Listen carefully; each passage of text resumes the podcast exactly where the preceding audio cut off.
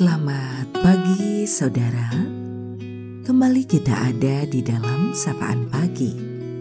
Mendengarkan Tuhan menyapa kita di dalam firman-Nya. Namun sebelum kita mendengarkan sapaan dalam firman itu Mari teduhkan hatimu dan kita berdoa.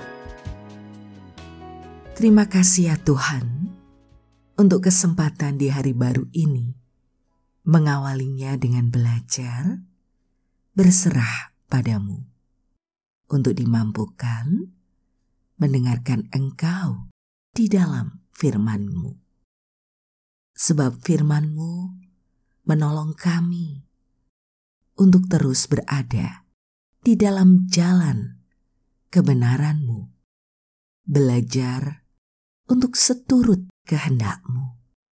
Dalam kerapuhan ini, kami berserah di dalam Engkau, ya Tuhan Yesus.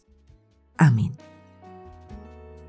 Saudaraku, sapaan dalam firman-Nya kita terima melalui Injil Matius pada pasalnya yang kelima di ayat 37. Jika ia hendaklah kamu katakan iya. Jika tidak, hendaklah kamu katakan tidak. Apa yang lebih daripada itu berasal dari si jahat. Kita akan refleksikan dalam tema berkata dalam kebenaran.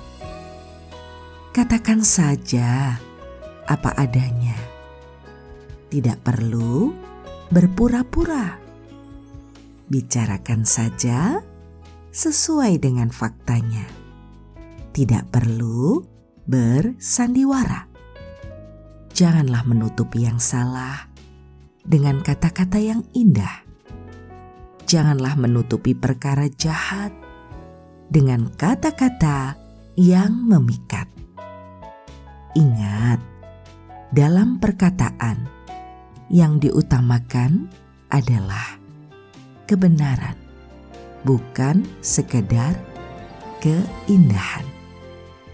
Dalam komunikasi, yang penting adalah sesuatu yang pasti, bukan perkataan basa-basi.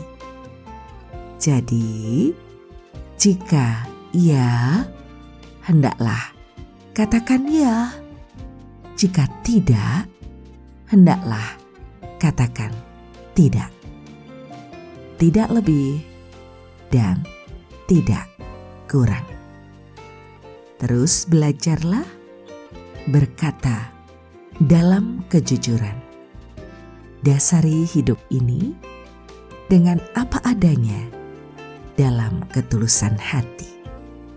Maka hidup yang kita jalani menjadi hidup yang bukan basa-basi, tapi hidup dengan penuh rasa syukur.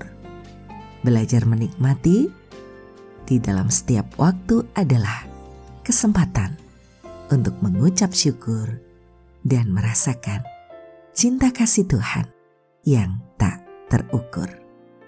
Jika ya, hendaklah katakan ya.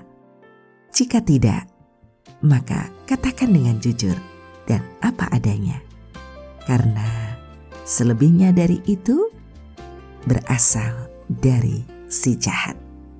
Tuhan selalu menolong kita untuk melakukan perbuatan baik dan benar sesuai kehendaknya.